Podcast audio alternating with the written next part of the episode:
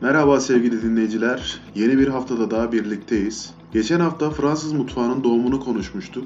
Bu hafta ise gelişimini konuşacağım. Bilirsiniz insanlar doğar, büyür, yaşlanır ve hayata gözlerini sonsuza dek yumarlar. Ancak Fransız mutfağı bu kurallara dahil değil. 17. yüzyılda doğan Fransız mutfağı 18 ve 19. yüzyılda gelişme ve büyüme evrelerine giriyor. Biz büyüyen Fransız mutfağının gelişimini bugün bu podcast ile öğreneceğiz. O zaman lafı hiç uzatmadan konumuza geçelim. İlk olarak 18. yüzyılda Fransa'da restoranların doğuşunu ve kimlere hizmet ettiğini anlatarak başlayacağım. İkinci kısımda ise 19. yüzyılda e, klasik Fransız mutfağının bir sanata nasıl dönüştüğünü anlatacağım. Şimdiden lezzetli dinlemeler diliyor, keyifli bir vakit geçirmenizi diliyorum. O zaman başlayalım. Restoranların ortaya çıkış yemek tarihinde bir dönem noktasıdır. Özellikle Fransız mutfağının gelişiminde çok büyük etkisi vardır. Fransız devrimi öncesi Paris'te restoranların doğuşu, dışarıda yemek yeme kavramını değiştiren önemli bir açılım geçirmiştir. Restoranlar ortaya çıkıncaya kadar Avrupa'da dışarıda yemek yemek zengin çevrelerde yaygın olan bir durum değilmiş. Yani zenginler genel olarak evlerinde mutfağı olmayanlar ya da evde yemek pişirmek için gerekli ekipman, yakıt ve malzemesi bulunmayan kişilerin veya seyahat edenlerin dışarıda yemek yeme alışkanlıkları varmış.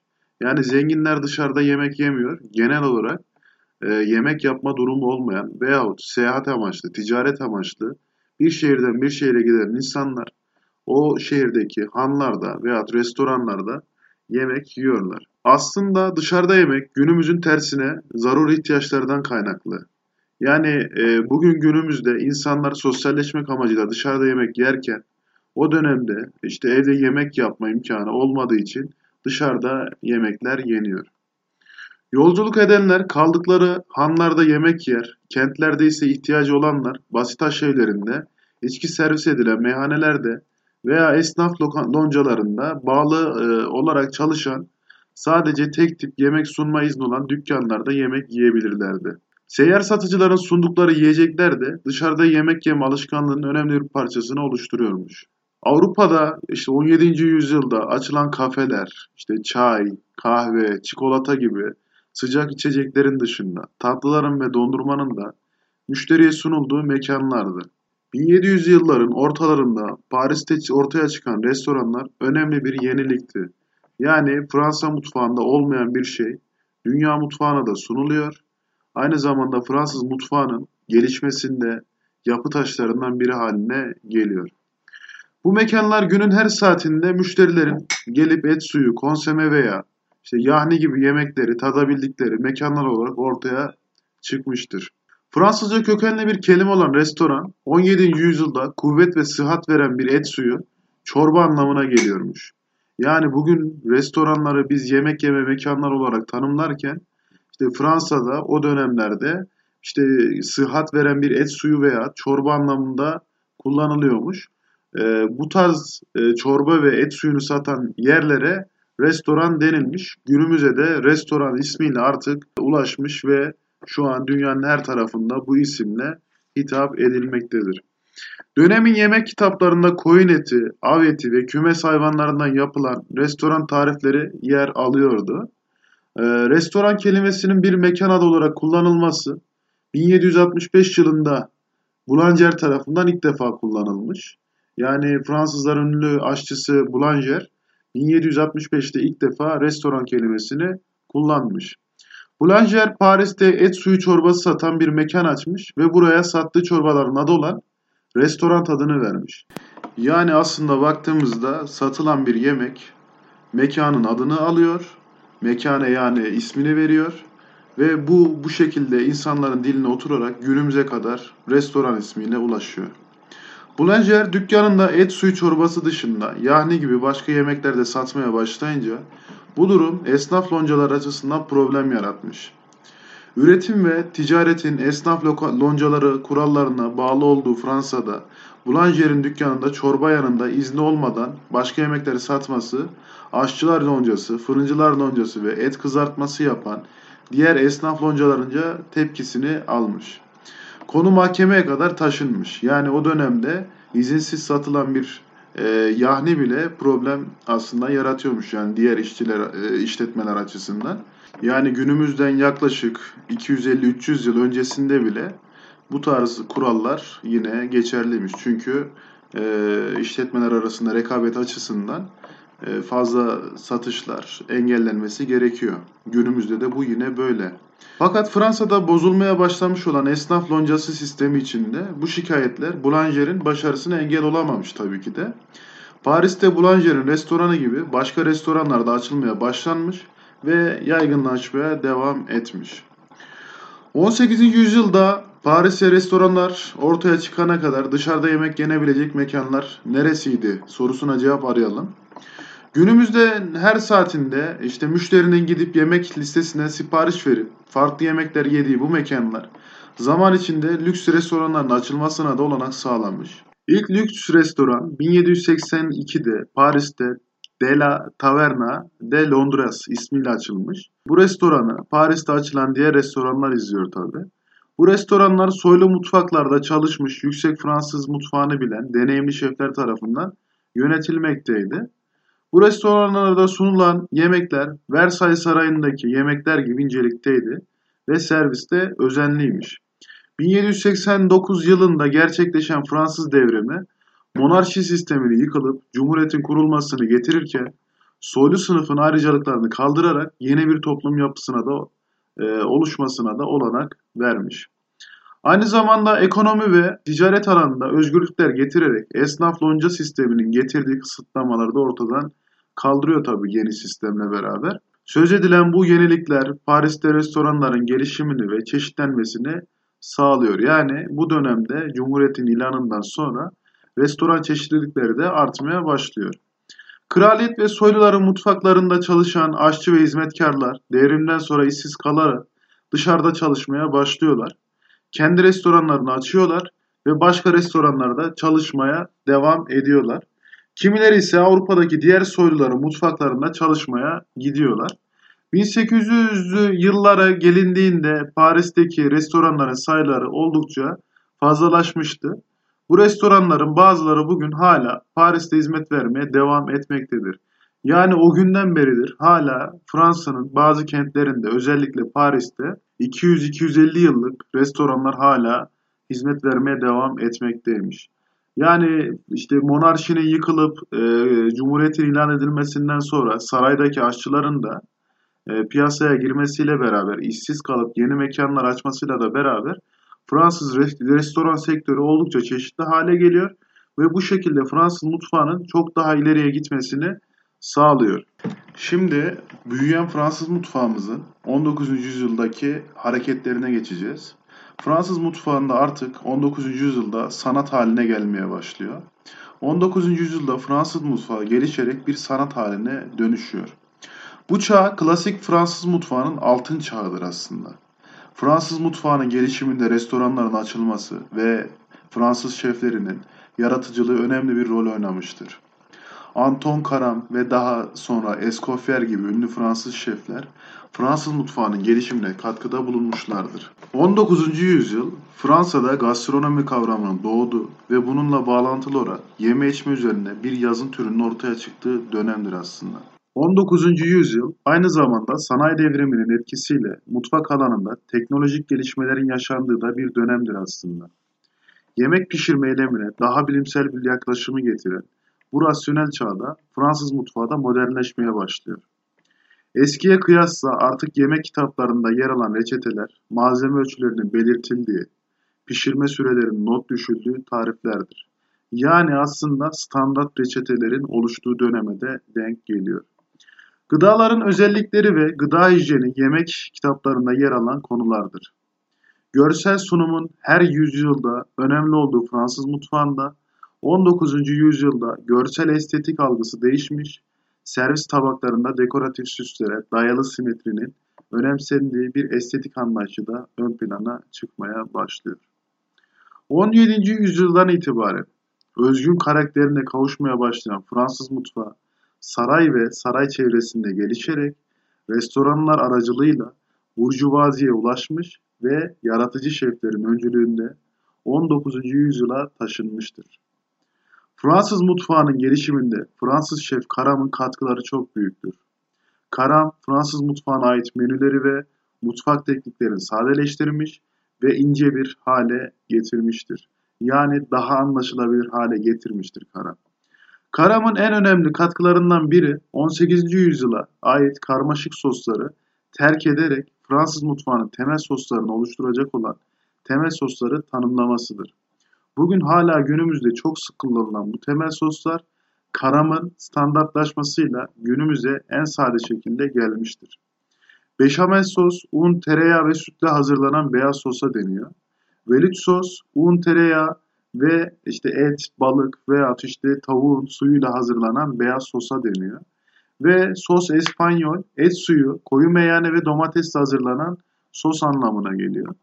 Bu soslardan yola çıkarak Kara 5 ciltlik Fransız Mutfak Sanatı adı, adı e, altında bir kitap yazıyor ve yaklaşık 200 adet sos tarifini bu kitabında yer veriyor. Yani 200 sos bugün bir aşçının bilme, e, bildiğini düşünecek olursa çok büyük bir hazine. Bu soslar Fransız mutfağının temelini oluşturmuştur. Karam kitaplarında konsemeler, çorbalar, farklı et ve tavuk suları, sebze suyu, et yemekleri, sufleler, garnitürler gibi birçok yemek tekniğinin ayrıntılarını da reçetelerinde vermiştir. Yani püf noktası dediğimiz bilgiler Karam'ın kitabında her tarifte yer almaya başlamış. Karam aynı zamanda pastacılık sanatı alanındaki yeniliklerin öncüsü olmuştur. Çalıştığı Beyli Pastanesi'nin vitrinini süsleyen şeker, badem ezmesi ve pasta hamurlarıyla geliştirdiği çok katlı pastalar ve şekerden yaptığı dev yapısal süsler onun imzasını taşımıştır. Karam yaşarken uluslararası şöhrete kavuşmuş bir şeftir. Fransız mutfağını bir sanat şeklinde yorumlamış ve bu mutfağı Rus Çarlığında, Galler Prensliğinde ve diğer Avrupalı soylu sofralarında tanıtmıştır.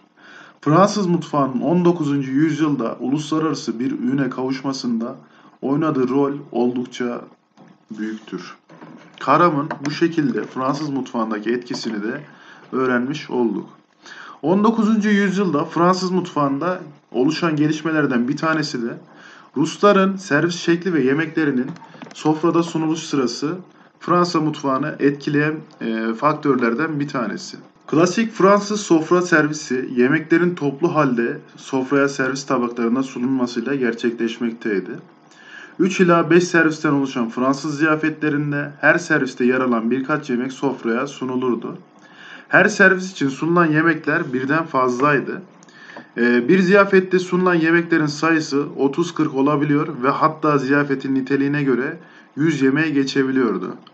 Misafirler sofraya servis tabaklarında sunulan bu yemeklerden kendi servis tabaklarını alırlardı. Fransız usulü servis olarak adlandırılan bu servis düzeni kalabalık ziyafetler için uygundu fakat restoran gibi kişi özel siparişlerin hazırlandığı mekanlar için uygun değildi. Ayrıca bu servis şekli yemeklerin soğumasına da neden oluyordu ve sofrada bulunan her davetli eşit şekilde yemekleri tadamıyordu. Yani bugün günümüzdeki açık büfe gibi düşünebilirsiniz ki o zamanlarda ısıtma sistemleri yok tabii ki buharla. O yüzden yemekler masalara konulduğunda bütün halde hem eşit bir şekilde insanlara daha paylaşılmıyor hem de aynı zamanda yemekler belli bir süre sonra soğuduğu için o e, sıcakken verdiği lezzeti vermiyordu.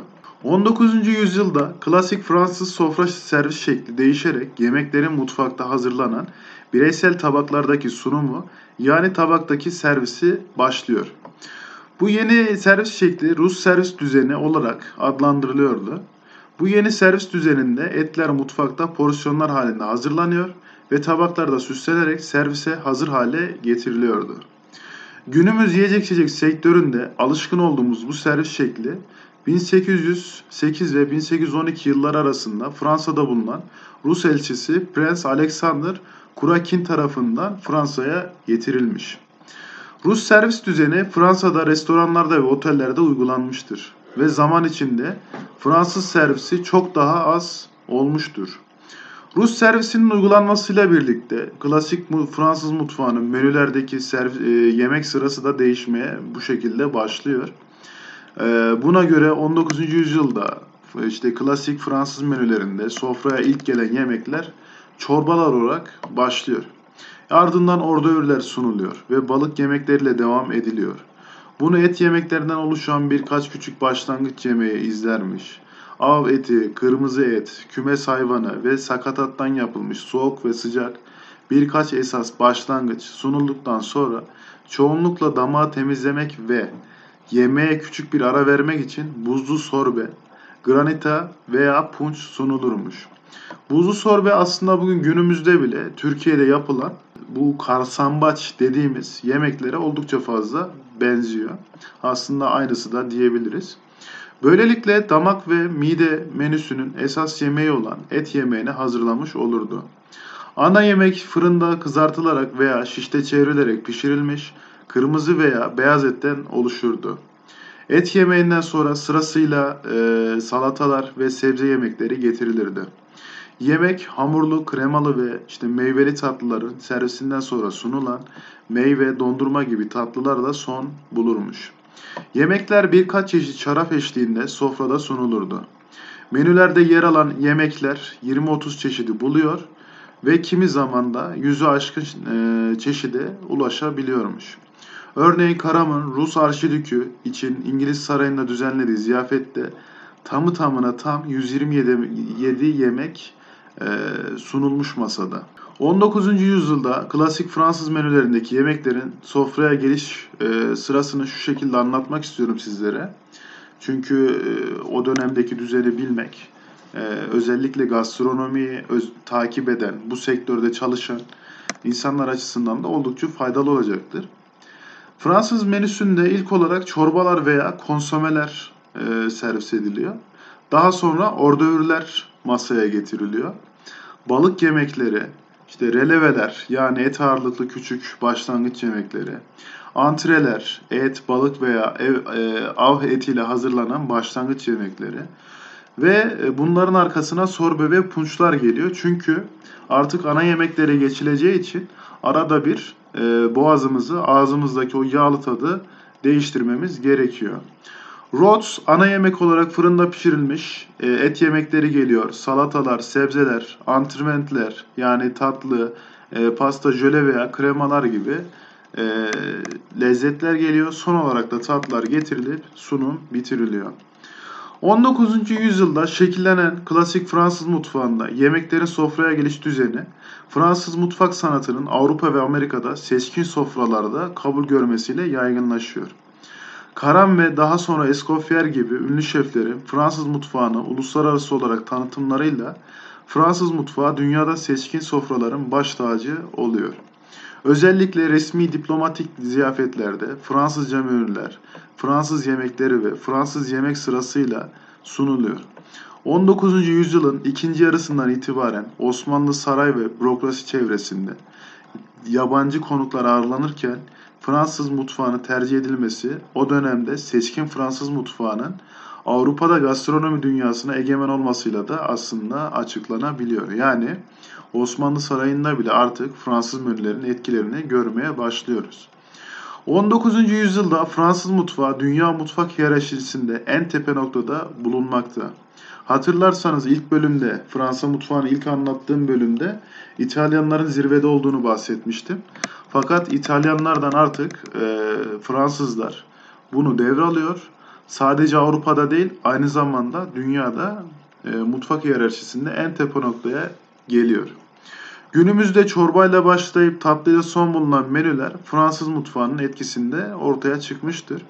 En az 10-11 yemek çeşidinden oluşan klasik Fransız menüleri sadeleşerek günümüzde 4-5 yemekten oluşan sade menülere dönüşmeye başlamıştır. 19. yüzyılın ortalarından itibaren Avrupa'da modern turizm anlayışı doğar ve bu gelişmeyle birlikte Avrupa'nın büyük şehirlerine lüks oteller açılmaya başlar.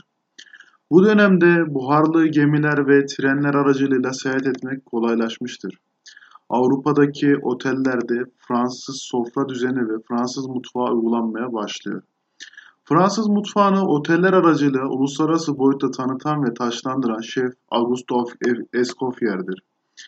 Escoffier, Caram, Gouffet ve Dubois gibi ondan önce yaşamış büyük Fransız şeflerin geliştirdikleri Fransız mutfağını gözden geçirir, yorumlar, uygular ve otellerde görev alan şeflere öğretir. Escoffier ve Cesar Ritz birlikte başarılı bir ikili olarak Avrupa'nın ünlü otellerinde çalışmaya başlarlar. Escoffier'in mesleki açıdan en büyük başarısı Londra'da Savoy otellerinin mutfaklarını yönetirken servis ve mutfak organizasyonuna getirdiği kökten değişikliklerdir. Escoffier her biri kesin biçimde belirlenmiş görevler üstlenen uzmanlardan oluşmuş, mutfak ekibinin ve yemeklerin planlı bir düzenle sunulduğu modern menü anlayışının yaratıcısıdır. Ayrıca menülerini de kontrastlardan oluşan bir senfoni gibi kurgulamıştır.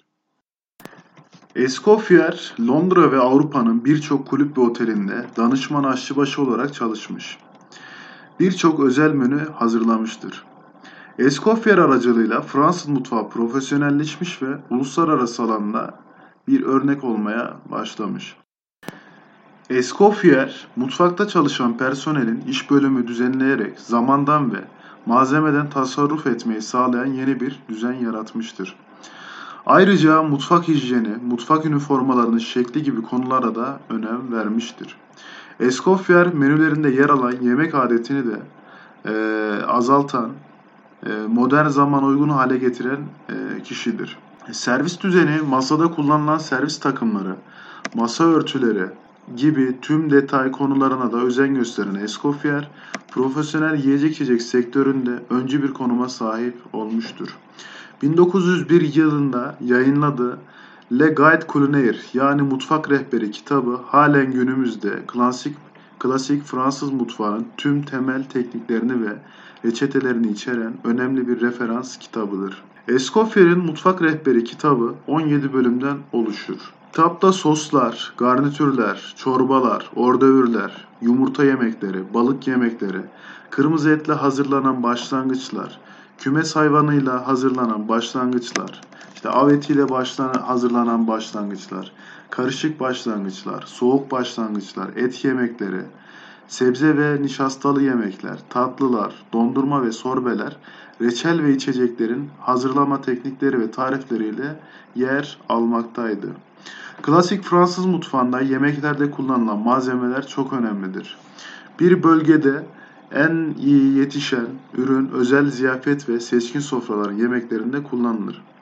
Dönemin menülerine örnek olarak verdiğimiz Escoffier'in 1908 yılında Elise Sarayı'nda Norveç kralı ve kraliçesine şerefine düzenlediği akşam yemeği menüsünde de Argenteuil bölgesinin kuşkonmazı, Krasanes bölgesinin armutu, Fransa'nın kuzeyinde yer alan Normandiya bölgesinde Atlantik Okyanusu'nun nemiyle ıslanan çayırlarda otlayan ve deniz tuzunda tadının etlerine e, işlediği kuzu yemeklerin hazırlanmasında kullanılmıştır.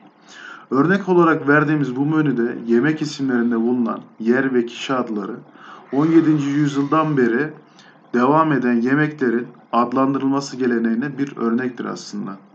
Fransız bir aşçı mesleği öğrenirken gerekli referans kitaplarından yararlanarak bu özel yemeklerin tekniklerini ve isimlendirmelerini de aynı zamanda öğrenir. Klasik Fransız mutfağı halen bu geleneği sürdürmektedir. 18 ve 19. yüzyılda Fransız mutfağına dair anlatacaklarımız bugün bu haftalık bu kadardı. Önümüzdeki hafta 20. yüzyılda Fransız mutfağını anlatarak Fransız mutfağı kısmımızı bitirmiş olacağız.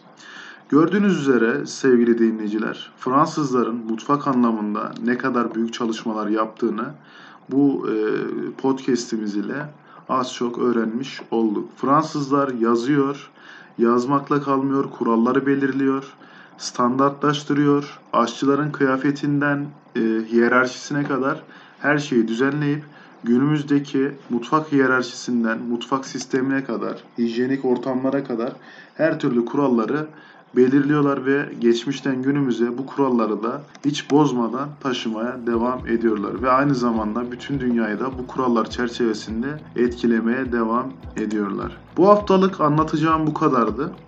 Önümüzdeki hafta yine Fransız mutfağının 20. yüzyıldaki haliyle devam edeceğiz ve Fransız mutfağını tamamlayacağız. Bugün biraz uzun bir konu oldu. Sabırla dinlemenizi temenni eder. Keyifli dinlemeler dilerim.